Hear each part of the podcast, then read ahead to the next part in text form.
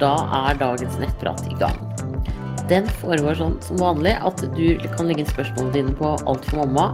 Nå har jeg lagt link på siden her, sånn at det er lettere å finne. Og så leser jeg opp spørsmålene og svarer fortløpende. Eh, og alle får svar, og nettpraten er åpen helt frem til klokka ti. Da begynner vi. Da er det Anonym83 som sier Hei, Siri. Jeg blir litt forvirret over de eggløsningstestene. Når en får positiv test, betyr det at det er denne dagen en har eggløsning, eller er det slik at det skjer i løpet av de 24 eller 48 timer? Takk for svar. Eh, det er sånn at eh, den viser at du er fertil i 24 eller 48 timer, altså i inntil tre døgn rundt eggløsning, eller frem til eggløsning, da. Men det betyr at eh, at det er bare å prøve, fordi at eh, eggløsningen kommer da eh, i løpet av de nærmeste dagene. Eh, og det er også sånn at eh, sædcellene kan jo leve i inntil fire døgn. Så hvis kjæresten din har fine, raske sædceller, så er det ikke sånn, sånn sett så fryktelig nøye med akkurat når eggløsningen er. Men er det dårlige sædceller, da, da, er man jo liksom litt mer avhengig av å treffe akkurat tidspunkt. Eh, så da kan det jo være greit å kjøpe seg et elektronisk tempmål og måle tempen hver morgen før man står opp, aller helst til et bestemt klokkeslett, bare for å kunne se når den begynner å endre seg. For som regel så gjør den det ca. to til tre døgn før du får eggløsning. Men ved å måle gjennom flere måneder, så vil du på en måte kunne danne deg et, et litt tydeligere bilde. Så derfor så kan eh, Det er i hvert fall en mye billigere metode enn å kjøpe massevis av eggløsningstester. Men det må jo du vurdere.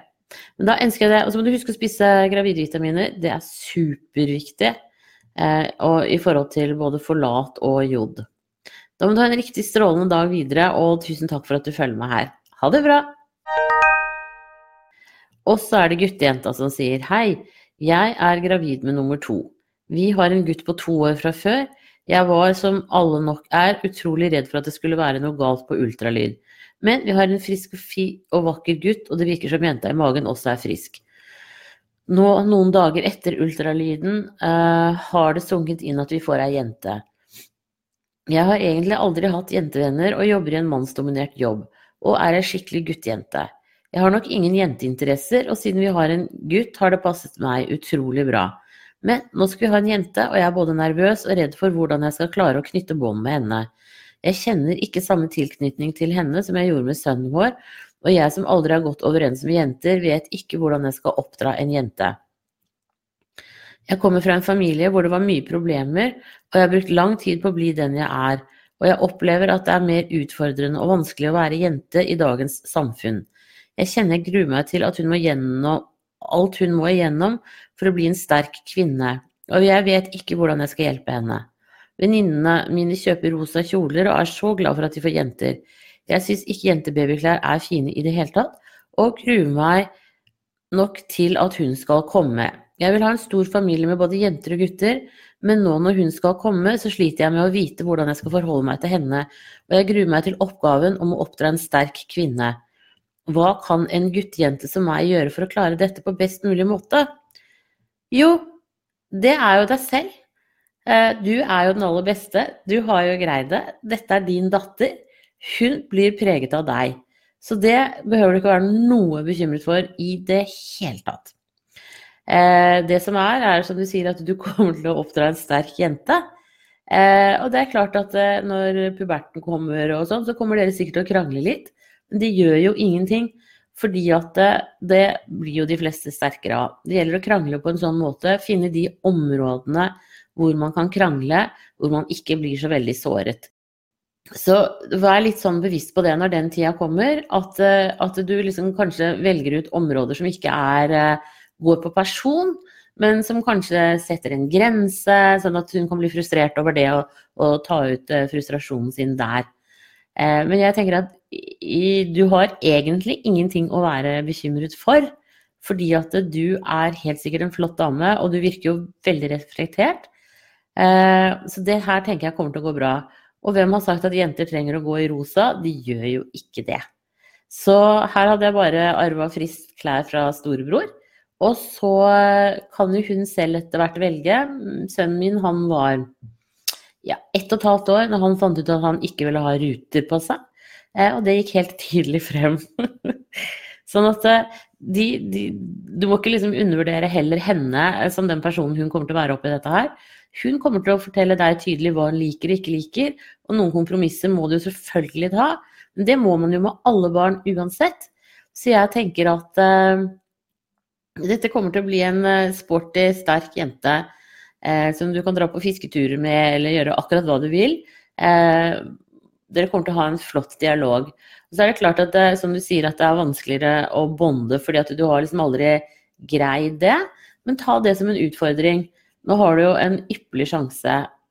Og ikke fokuser på liksom um, nødvendigvis det som er forskjellig mellom dere, men kanskje heller fokusere på de like tingene der hvor du kan identifisere deg, uh, og hun med deg så tenker jeg at eh, ikke, lag, ikke, lag, en krig som ikke trenger å være. Um, eh, og du, som du skriver, du har brukt lang tid på å finne hvem du er. Eh, men i det så er du også et godt forbilde, tenker jeg. For da er du si, altså du er liksom hel ved. Um, du er veldig klar over hvem du er, og det kan du dele med henne. Og så har du jo en kjæreste oppi det hele eh, som helt klart vet hvordan han skal forholde seg til jenter. Eh, sånn at eh, Jeg tenker at dette her går kjempefint, jeg. Ja. Eh, at dere får et eh, bra samspill eh, sammen, alle sammen. Så kan det selvfølgelig hende at du får en jente som blir helt rosa av seg selv. Men da får du ta det som det kommer. Ta henne i hvert fall med på alt som du ville ha gjort, eller som du gjør med sønnen din allerede. Eh, og så velger hun etter hvert selv, etter hvert som hennes personlighet også kommer frem. Men, men, bare sørg for at du liksom har god kontakt med henne fra første start. Ha god øyekontakt og, og, og møt henne på samme måte som du har gjort sønnen din. Og der hjelper jo biolog, biologien oss også, ikke sant? At uh, du er utstyrt av instinkter som kommer til å gjøre at du ønsker å ta vare på henne. Eh, du ønsker å kommunisere med henne. Eh, og kjenn på de følelsene der. Eh, ikke på Jeg tror det er lurt å ikke tenke på liksom forskjellene som en sånn negativ, men heller en sånn Å ja, men sånn er hun. Sånn var sønnen min. Sånn er jeg. Sånn er mannen min. Um, altså, og det har du sikkert gjort ganske mye av, tenker jeg. Men uh, ikke nødvendigvis som brukt det mot henne. Og det er jo fordelen med at du bærer henne frem. Eh, at du ehm, du på en måte Gjennom det så får de fleste en veldig tilknytning i, i utgangspunktet. Eh, det er ikke sikkert du kjenner på det helt de første dagene. Eh, for ofte så er man jo sliten etter en graviditet, og særlig når man har barn fra før av. Men det vil komme seg etter hvert. Så begynn å snakke med henne inni maven nå. Snakk med henne om de tingene dere skal gjøre sammen, og um, ja, hva du liker, hva som er morsomt. Sånne ting som det. Start en dialog eh, inni hodet ditt nå. Eh, og så Jenter er rosa, men på langt nær alle. Eh, så ta det litt som det kommer, og reflektere over ting når det skjer. Eh, men prøv, ikke, ikke, legg vekt på liksom det som distanserer dere. Dette var selvfølgelig et råd i forhold til eh, Ikke si jordmorråd, men mer et sånt leveråd, kan vi vel kanskje si. Så det er ikke sikkert jeg har rett i det hele tatt, men det er i hvert fall det jeg tenker sånn uh, umiddelbart når du skriver det spørsmålet ditt. Så da er det et innspill til deg. Da ønsker jeg deg riktig, riktig lykke til videre, og begynn å prate med henne nå. Det tror jeg er en kjempefin investering. Da vil du ha en fortsatt riktig god dag. Ha det bra! Og så er det pusting under fødsel som sier hei, jeg er andregangsfødende og har et spørsmål til fødselen. Jeg likte egentlig godt å føde og kjenne på hvordan kroppen styrte meg, mer enn hodet og hvilke krefter som faktisk var i meg. Men jeg lurte på én ting. Når jeg skulle føde sist og presse, tok jordmoren tak i nakken min og bøyde hodet mitt opp, slik at jeg fikk haka ned i brystet. Jeg syntes dette var utrolig ubehagelig og fikk ikke til å puste. Jeg sa jeg ikke ville, men hun sa det var sånn jeg skulle presse. Er det noe jeg må gjøre og lære meg for å presse mest effektivt? Eller har det ikke noe for seg å krumme nakken? Jo, det har noe for seg å krumme nakken, fordi du på en måte eh, Du greier også å presse bedre når du gjør det. Men eh, for hvis du strekker nakken oppover, liksom, så får du ikke det trøkket nedover. Men nå kommer du til å være andregangsfødende, og da har kroppen din gjort dette en gang tidligere, så det er ikke sikkert at du trenger å sette så store krefter til som det man ofte gjør første gangen. Sånn at, eh, og du kan si fra til jordmor på forhånd at, eh, at ikke liksom ta på meg, ikke gjør det, men si heller fra til meg at jeg skal sette haka ned mot uh, nakken Nei, mot brystet. det, det tenker jeg det kan være fair. Det er ikke noe en jordmor nødvendigvis kan gå inn og bestemme, med mindre på en måte du trenger akkurat det der siste pushet, og det kanskje er litt dårlig fosterlyd, og babyen skal komme ut. Så si fra om det når du skal føde denne gangen, at hvis uh, det er greit, så kan de heller fortelle deg hvordan du skal bruke kroppen, og ikke nødvendigvis uh, ta på deg sånn som hun gjorde. Det tenker jeg, det er fair. Det, er, uh, det må man kunne gjøre. Um, men det er fordi at når du liksom bøyer deg ned sånn, så bruker du liksom Du bruker hele overkroppen også som et slags stempel da, for å få babyen ut. Eh, men uh, så jeg tenker at antageligvis trenger du ikke gjøre det denne gangen. Men, men hvis det kommer på tale, så si at de liksom, i første omgang så vil du gjerne gjøre det sjøl, tenker jeg. Og det er ofte det også med at man bruker armene til å dra med. Enten at man holder under lårene, bakpå lårene eller under knærne selv. Eller at man har sånne håndtak på siden av fødestolen. Eh, det også kan være veldig bra for å, å få presset nedover i, i maven. Um, så jeg tenker at det, eh, det, er veldig morsomt det du skriver om at du kjente på hvordan kroppen ble brukt, eh, og hvordan den tok over styringa, og bare la den gjøre det igjen. Eh, det er helt supert. Det, det jeg tenker at Når du skriver sånn som du gjør her nå, så tenker jeg det er jo sånn alle burde prøve å kjenne etter i fødsel. At du kjenner liksom på hvor fantastisk kroppen er, og, og hvordan den kan jobbe når den får lov til det. Um, så det er, det er, morsomt at du, du, beskriver det. Og jeg tenker at neste gang så blir det nok en helt annen opplevelse også.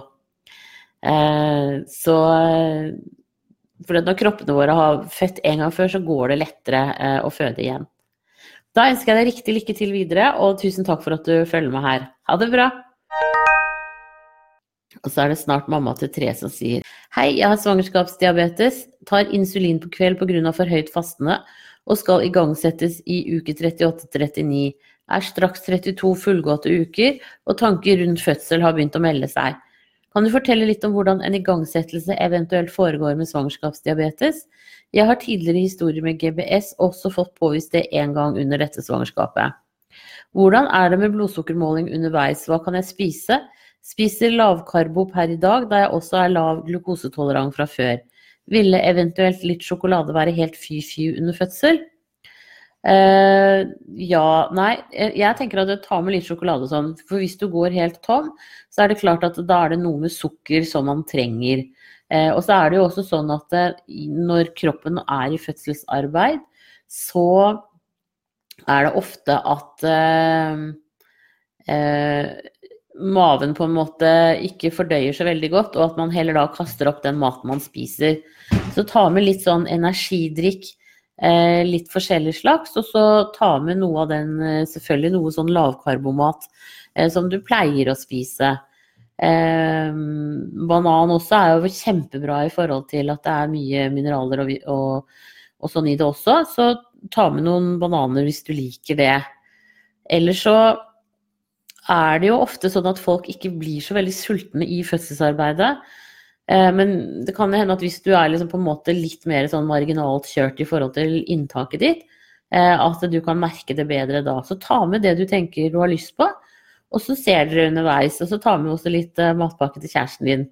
For kjærester får jo ikke noe mat på føden, og kan bli ganske slitne de også.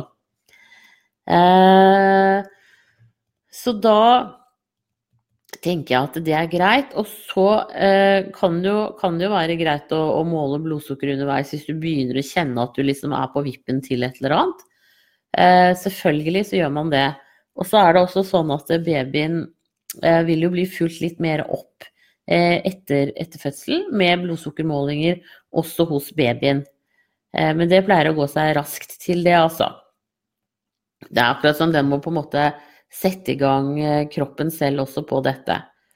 Eh, igangsettelsen vil foregå sånn i forhold til eh, hvor moden du er, sånn at eh, at de kjenner på mormunnen din, og så gjør de noe som heter Bishops score. Eh, hvor de, de, sjekker da mormunnen, eh, hvor lang den er, og hvor moden den er. Eh, og så, hvis du har litt åpning, og det har veldig mange flergangsfødende, så kan det være en løsning at man tar vannet.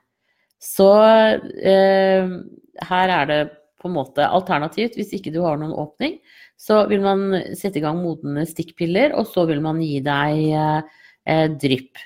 Men jeg tipper at når du kommer liksom mer sånn uke 37 et eller annet sted der, så begynner du å kjenne at du, og sikkert kanskje allerede, at kinnerne dine er sterkere og sterkere. Eh, så det er eh, Jeg tenker at det der skal gå veldig bra. Og så er det jo også sånn at uh, grunnen til at det igangsettes, er jo fordi at babyen blir større og større også etter termin. Noe de ikke gjør uh, til vanlig når man ikke har svangerskapsdiabetes. Derfor så blir du igangsatt, men det har du helt sikkert fått forklart. Og så er det også sånn at uh, du er faktisk mer utsatt for å få diabetes senere i livet også, så pass på å kjenne litt etter. Sjekk uh, langtidsblodsukkeret ditt kanskje, eller blodsukkeret ditt sånn litt med jevne mellomrom en gang i året eller noe videre når du er hos fastlegen. For det er en investering, sånn at du ikke går med en, en litt sånn skjult diabetes og begynner å få de Eh, preg i kroppen av det som diabetes kan gi. Da. Så her er det stor forebyggende effekt man kan gjøre i mellomtiden, før du kommer i overgangsalderen. Men det er jo den andre siden av livet ditt, på en måte. Da ønsker jeg deg riktig lykke til videre, og tusen takk for at du følger meg her. Ha det bra! Og så er det en som sier gravid uten mens. Hei, jeg ble gravid uten å ha menstruasjon. Jeg har ikke hatt menstruasjon på seks år. Ingen kan, leger kan si meg hvorfor. Jeg trodde det var fordi jeg trente for mye, men jeg kuttet ned, og den kom uansett ikke. Jeg gikk ikke på noen medisiner eller prevensjon. Det jeg lurer på, er hvordan jeg neste gang kan vite når jeg skal ha samleie for å bli gravid, og hvordan skal jeg finne ut min termindato. Nå har jeg måttet dra på tidlig ultralyd for å vite hvor langt jeg er på vei, og vi har hatt meget hyppig samleie for å bli gravid. Nei, det kan du si. Det er ikke så lett å si. Eh, men det kan jo hende at du får igjen mensen nå etter den fødselen her. Eh, hvis ikke så vil jeg vel anbefale deg å måle tempen på en sånn jevn basis. Eh, for du vil alltid få, siden du tydeligvis har eggløsning, da, så vil du jo få en tempstigning når den kommer. Nå er det også sånn at hyppig samleie kan gi eggløsning i seg selv. Eh, så, og det kan man jo ha selv om man har en regelmessig mens også. Men det forklarer hvorfor man noen ganger får terminen skjøvet lengre frem i tid. Fordi at man faktisk har hatt en eggløsning etter den ordinære eggløsningen. Um, så det jeg liksom tenker er Jeg regner med at du har sjekka for PCOs og sånn. At, uh, og uh, de bør jo sjekke uh, hormonproduksjonen din i forhold til lavt stoffskifte, sånn PCOs og insulinresistens og sånn også. Men det tenker jeg at de kanskje allerede har gjort. Eh, så er det klart at hvis du er veldig, veldig tynn, så, eh, så mister man jo ofte mensen også. Så her tror jeg du må snakke, med, snakke litt med jordmora som du skal begynne å gå til nå i graviditeten hva jordmor tenker, og så eventuelt Du har jo sikkert snakka med fastlegen din om det, men jeg tenker at eh, hvis du da ikke får mensen tilbake et år etter at du har født, så kan du jo bli henvist til endokrinolog. Det er de som har, jobber med hormoner eh, i kroppen. Så kan jo det prøve på en måte være greia. Men nå har du greid å bli gravid, da. En gang, så da tenker jeg at da, da er det jo veldig stor sjanse for at du greier det en gang til også. Men da ønsker jeg deg riktig, riktig lykke til videre, og tusen takk for at du følger meg her. Ha det bra! Og så uh, er det spørsmål. Hei, jeg hadde en vond opplevelse på fredag. Jeg bor i England og er 27 uker på vei. Jeg trodde jeg var lav på jern og dro til legen. uh, men da jeg kom inn, var legen rett og slett sint. Han mente at jeg ikke hadde noe der å gjøre ettersom jeg er gravid og skal gå til jordmor og ikke til han. Han var ordentlig sint og begynte å snakke om forskjellige former for finansiering gitt til leger sammenlignet med jordmødre. Han sa at jordmødre får penger av staten for gravide, og derfor skal jordmor alltid være første stopp når man er gravid. Jeg sa at jordmor er langt unna og kun tilgjengelig på torsdager. Da sa han at dette ikke handler om hva som er mest beleilig for meg, men om hva som er rett. Han sa at for mange ville, for mange ville det vært veldig beleilig å dra til legevakten når man er forkjøla, men det gjør det ikke riktig. Skal sies at jeg drar til lege veldig sjelden, så dette kan ikke ha med at jeg har rent ned dørene heller. Forrige gang jeg var der, var da jeg fikk urinveisinfeksjon for åtte uker siden. Datteren min var med meg inn, og etter timen måtte hun på do, og mens vi var der, begynte jeg å gråte skikkelig. Prøvde å si noe til resepsjonen, men klarte ikke. Heldigvis var det en kvinnelig lege i resepsjonen akkurat da, og hun sa at jeg kunne komme på kontoret hennes. Hun fortalte at jeg bare må komme til lege fortsatt, og at hun skulle ta en prat med den andre legen. Hun sa at neste gang skulle jeg spørre spesifikt etter henne, hun var veldig snill. Kjenner bare at opplevelsen har fått meg til å ikke ville oppsøke legekontoret noe mer. Jeg er redd for at den andre legen var så snill fordi jeg var så lei meg, men at den andre legen kanskje hadde rett likevel. Dette er England, så jeg vet ikke hva som er rett. Kjenner jeg angrer sånn for å ha dratt dit på fredag. Sorry hvis dette er utenfor ditt felt, men kan du kanskje si noe om hva man må dra til lege for, sammenlignet med jordmor? Han kan da ikke mene at jeg må dra til jordmor for alt? Som hvis jeg brekker beinet, skal jeg vel ikke ringe jordmor? Har du mulighet til å si noe om forskjellen? Tenkte liksom at legen kunne ta for seg jernmangel, ettersom alle kan få det. Men sånn var det visstnok ikke for han. Jeg tror du har truffet legen på en veldig skjev dag, eller så er han faktisk en dårlig lege, og det kan jo selvfølgelig også hende. Eh, og så er det klart at du er mer sårbar når du er gravid, men allikevel, det berettiger ikke at han oppførte seg sånn. Eh, det som slår meg, da, det er jo at det er helt tydelig at det er et forskjellig system. Her i Norge så er legene lønnet av staten, mens jordmødrene er lønnet av kommunen. Eh, og legene har også lagt inn, de har en fast lønn hvert år på en drøy million eller hva det er, for å også kunne ta vare på gravide. Så i Norge er det innbakt i den, de pengene de tjener, men det er det tydeligvis ikke nødvendigvis i England. Eh, sånn at eh, jeg tror det er, forklaringen ligger der. Og det er helt riktig som du sier, at hvis du brekker beinet, så skal du til lege. Jordmor kan ikke gjøre noe med det. Og her i Norge så ville det også vært helt logisk å tenke at eh, ja, men jeg drar til legen for å sjekke jernnivået. Men da tydeligvis ikke i England. Eh, sånn at jeg tenker at eh, kanskje du skal bestille time hos jordmor, selv om eh, hun bare er der en dag i uka, og så eh, få jordmor til å forklare hvordan systemet virker. Eller sjekk om det er noen offentlige sider i England som forklarer dette. For det vil jo, og er jo helt opplagt, ganske store forskjeller på landsbasis. Mm, for mange år siden så fikk jeg spørsmål eh, fra en som bodde i Romania. Og da viste det seg det at eh, der får de jo ultralyd på hver eneste kontroll. Eh, det samme gjør de i Korea, noe som, som man ikke gjør i, i, Norge i det hele tatt. Så her er det store forskjeller, og det er også forskjell på om man går privat og offentlig. Men tydeligvis så er lønnssystemet omvendt av det vi har her i Norge.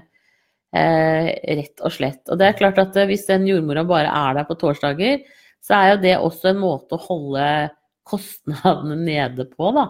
I Norge så har du rett på åtte kontroller i graviditeten eh, når du er andregangsfødende, og også for så vidt førstegangsfødende, så lenge alt er normalt.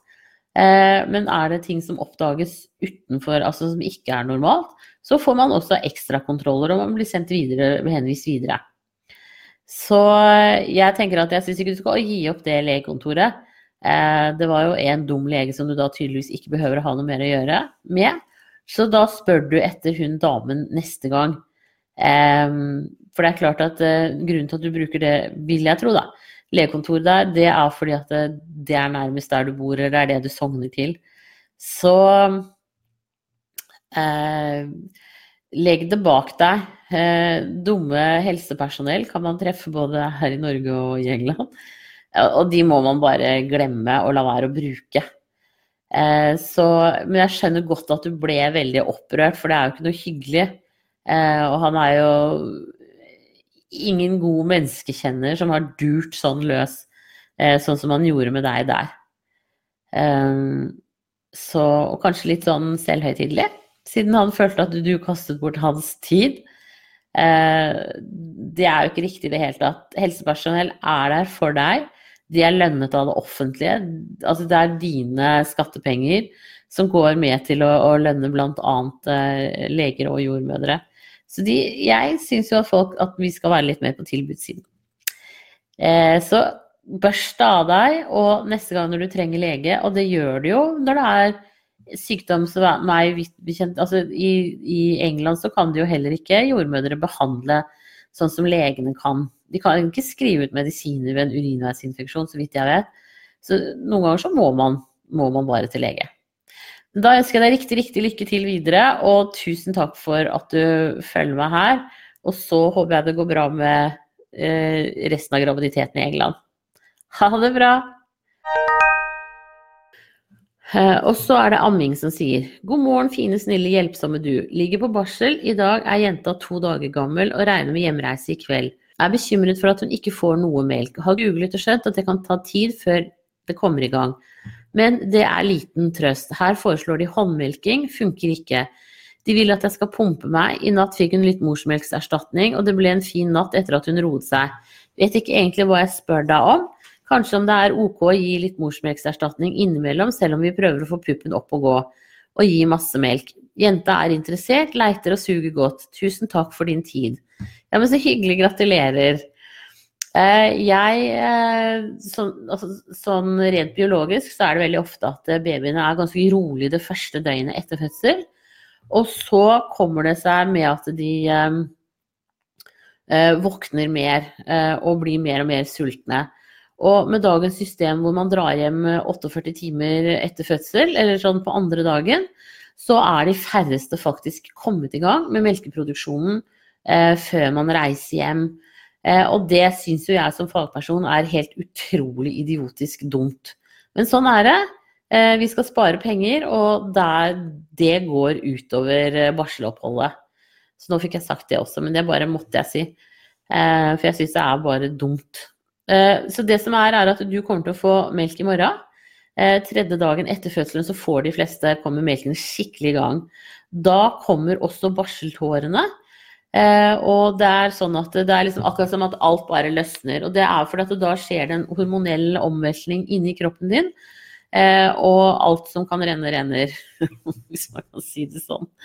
Eh, og da vil du ha en ordentlig gråtedag og føle deg liksom Ikke skjønner du hvorfor du gråter, og ikke greier du å slutte å stoppe, men det er normalt. Det heter barselblues eh, og er helt innafor.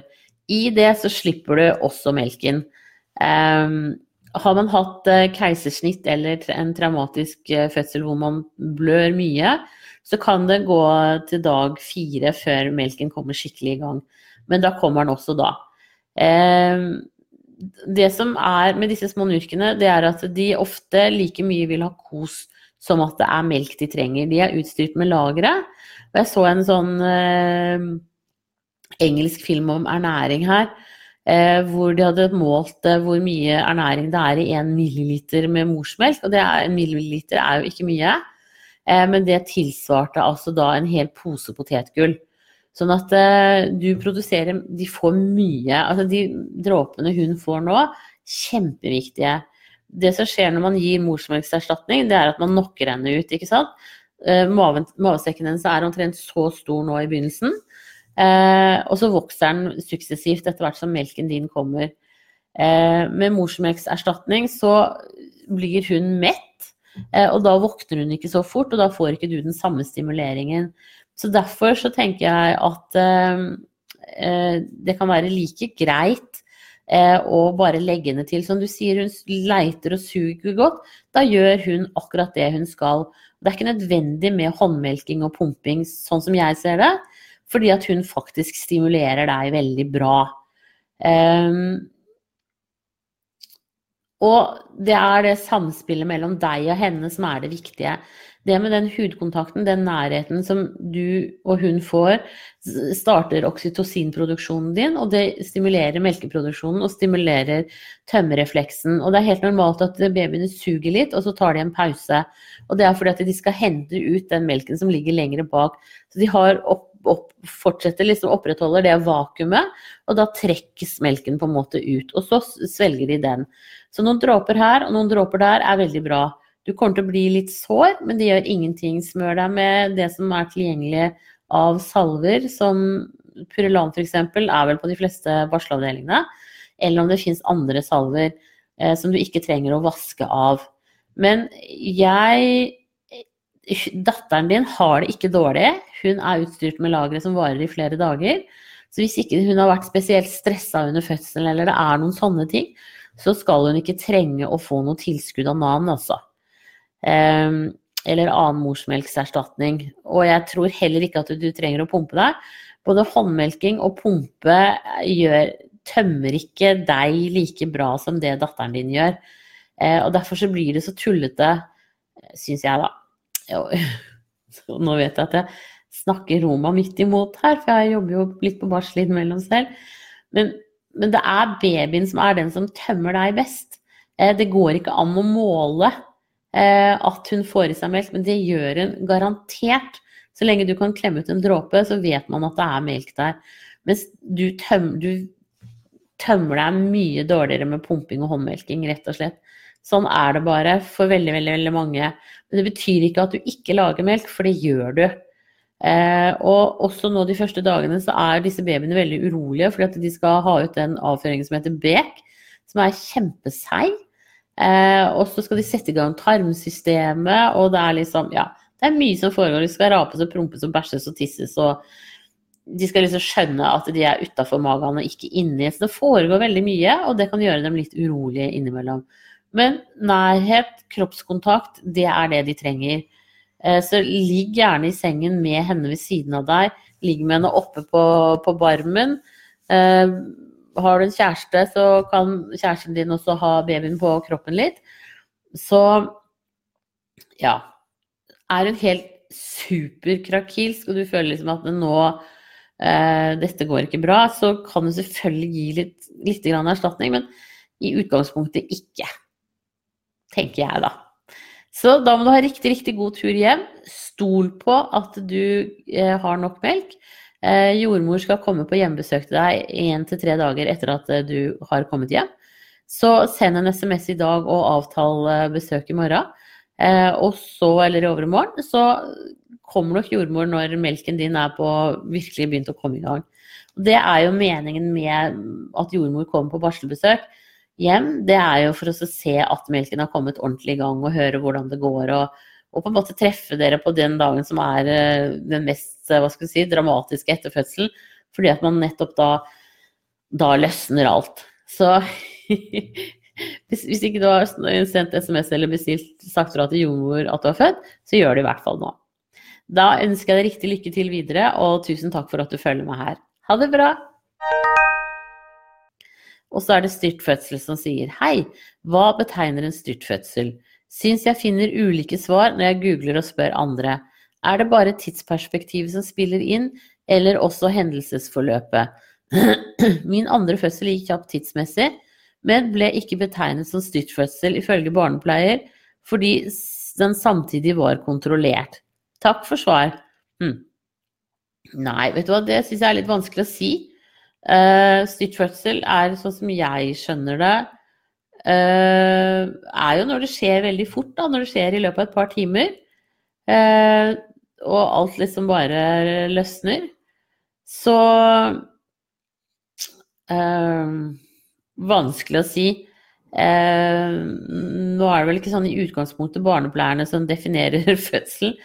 Så hvis jordmor har sagt at det var en styrt fødsel, så, så var det nok det. men vanskelig å si. altså men når fødselen går fra null til babyen er ute på et par timer, det er i hvert fall styrt fødsel. Da ønsker jeg deg riktig altså det der med kontroll og sånn, det Ja, det vet jeg ikke helt om jeg er helt sånn enig i. jeg er vant til å tenke mer sånn tidsmessig. Men da ønsker jeg deg riktig lykke til videre, og tusen takk for at du følger meg her. Ha det bra. Og så er det Heidi som sier Når min første sønn var 14 dager gammel, fikk han plutselig masse slim som ville opp. Dette skapte full panikk, da det var vanskelig for en baby å håndtere alt slimet. Jeg har nå en sønn på åtte uker og er redd for at det skal skje igjen. Hvor vanlig er det at noe sånt skjer, og eventuelt hva kommer det av? Med vennlig hilsen Heidi. Helt, vet, det kan jeg dessverre ikke svare på, det vet jeg ikke. Ehm, det kan jo hende at han var litt kraftig snørrete, og at det på en måte plutselig bestemte seg for å komme opp istedenfor å, å gå gjennom tarmsystemet. Det som er viktig, er jo også å legge dem da over på siden, sånn at det på en måte renner ut eh, eh, i sideleie. Det er liksom det aller, aller viktigste. Og, og, så gni dem litt, banke dem litt og gni dem litt godt på ryggen det er klart at det er, det er, jo en traumatisk opplevelse for alle parter, men det er ikke noe farlig. Sånn at jeg tenker at det, du bør ikke være noe bekymret for det. Um, sånn sett. Jeg tenker at det var en tilfeldighet at det skjedde sist. Uh, men det er klart at noen ganger snørr og sånn, eller hvis de har svelget noe kanskje litt i vrangen, så kan de jo begynne å hoste og, og, og styre. Um, men det er jo for å få tingene opp. Så jo eldre de blir, jo mindre blir det av det. Men det er klart sånn, det husker du sikkert også, at når de går over til fast føde, så blir det også litt mer sånn der eh, At de hoster og harker og, og kan bli litt eh, godt røde i ansiktet. Men da er det bare liksom klaps og gni litt på ryggen og, og, og legg dem over på sideleie. Det er det beste du gjør. Ehm, så ellers kan jeg ikke dessverre gi deg noe veldig mye bedre svar på det. Men prøv å legge det av deg, og ikke vær bekymra for det. Skjer det, så skjer det, men høyst sannsynlig så skjer det ikke. Da ønsker jeg deg riktig lykke til videre, og tusen takk for at du følger meg her. Ha det bra! Og så er det uke 34. Hei, jeg ble syk forrige tirsdag med noe som trolig var et magevirus. Ganske vanlig omgangen forløp, egentlig med kvalme, oppkast, litt diaré, og så to dager rett ut i senga etterpå med litt feber og slapphet. Eneste forskjell fra sånn omgang pleier å være hos meg, var at jeg kastet opp bare én gang, ikke 20. Likevel engster jeg meg for at det kunne ha vært symptom på listeria eller noe sånt. Tenker sikkert ekstra på det, fordi jeg har sett nyhetene nylig om at det er funnet listeria i ulike produkter, selv om jeg ikke har spist noen av disse. Jeg har f.eks. spist sushi på restaurant. Jeg var hos legen for å sjekke på fredag, da spurte jeg om dette. Han sa først at de godt kunne ta en prøve for sikkerhets skyld, fordi jeg var bekymra, ikke fordi legen var det. Men det viste seg at det ikke er noen prøver de kan ta på legesenteret som kan sjekke for listeriasmitte. Jeg er klar over at det er sjeldent, og prøver å ikke bekymre meg. Men jeg lurer på om du kan si litt om listeria, hva det går an å gjøre med det, og når man eventuelt bør bli bekymra. Eh, ja, det ligger en artikkel om toksoplasmose og listeria her inne på Alt for mamma. Så jeg skal legge en link til den. Um, listeria er jo en bakterie som oppstår i mat som har stått for lenge, som oftest. Um, eller hvis det er listeria der hvor maten tilberedes. Sånn at uh, som oftest så, så, er det ikke noe farlig. Men jeg syns egentlig Jeg tror jeg skal sjekke litt på det der, jeg også. Eh, for det må jo være en måte man kan teste seg for ellers så vet man jo ikke om hvorfor folk har hatt listeria. Så jeg skal sjekke litt på det, og så svare deg eh, skriftlig tilbake på det.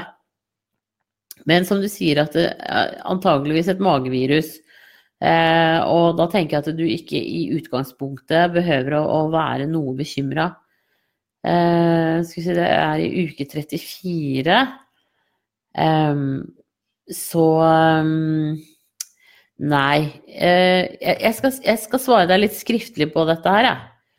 Og så uh, se hva jeg kommer frem til der. så da kommer jeg tilbake til deg. Ha det bra så lenge. Og så er det Soljente som sier Hei, kynnere startet i uke 21 med litt vonde, men varer ikke lenge og kan få deg flere ganger i løpet av dagen, er uke 23 pluss 2. Og fosteret ligger nederst i magen og har bekkenløsning. Ja um, Hvis du får kynnere som på en måte trekker nedover og presser ned mot skjedebunnen og sånn, så skal du selvfølgelig være litt obs på det. Men ellers så er det Kjenner man kynnerne tidligere når man har vært gravid tidligere.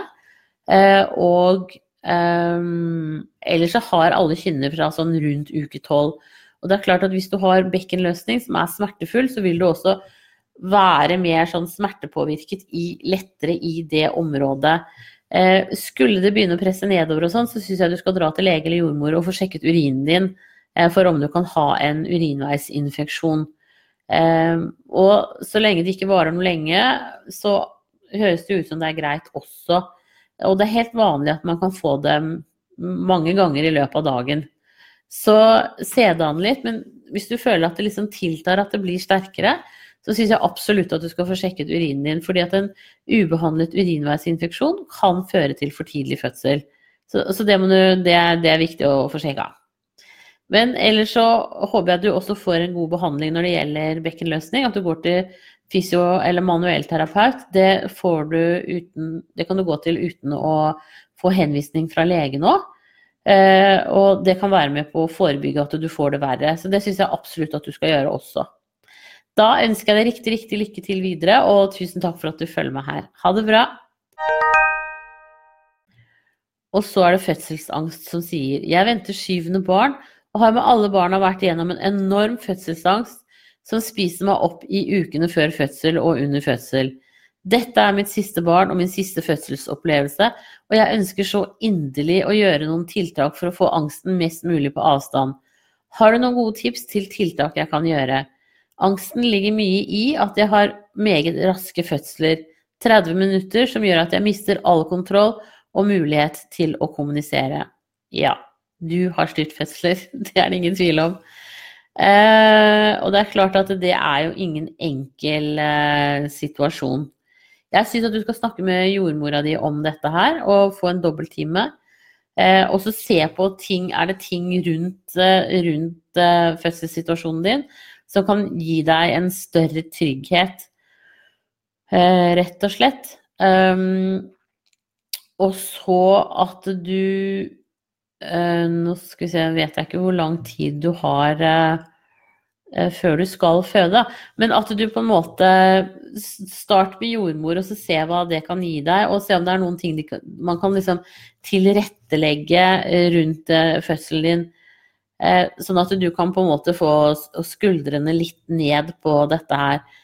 Kan det være et alternativ at de på en måte starter deg når du er At, at du er på sykehuset, og at de starter fødselen din? At du da eh, ikke behøver å være redd for at det skjer hjemme eller på vei til sykehuset. Eh, kan jordmor komme hjem til deg eh, når du skal føde? Eh, når det er det syvende barnet, så pleier det jo å være veldig lite komplikasjoner med selve fødselen. Eh, så det er sånn derre eh, Ikke vet jeg hvor lang vei du har til sykehuset eller noen ting. Så begynn med time hos jordmora di nå så fort som mulig, og så snakker dere sammen og så prøver dere å legge en plan. Eller så fins det jo også flere sånne eh, nettbaserte programmer som man kan prøve i forhold til eh, fødselsangst. Så jeg skal legge inn noen linker til det også her. Eh, så, så, kan du se om, om, det kan være til noe hjelp for deg. Eh, men det er klart, og jeg skjønner det at når du føder såpass fort, så, så blir det en, en, veldig voldsom opplevelse også. Um, nå er det jo sånn at de fleste Altså, du må gi fra deg kontrollen en eller annen gang under fødsel, så det i seg selv er normalt. Eh, men det er kanskje flere faktorer rundt det som gjør at du på en måte tenker at eh, eh det er ting du kan kontrollere, da. Men da ønsker jeg deg riktig lykke til videre, og som sagt, ta kontakt med jordmor. Det er nok mitt beste tips til deg. Da var det dagens siste spørsmål. Så da ønsker jeg dere alle en fortsatt riktig, riktig god dag. Og tusen takk for at dere følger meg her. Følg meg gjerne på Soundcloud på Jordmor Siri podkast også. Og Alt for mamma på YouTube. Ha det riktig bra.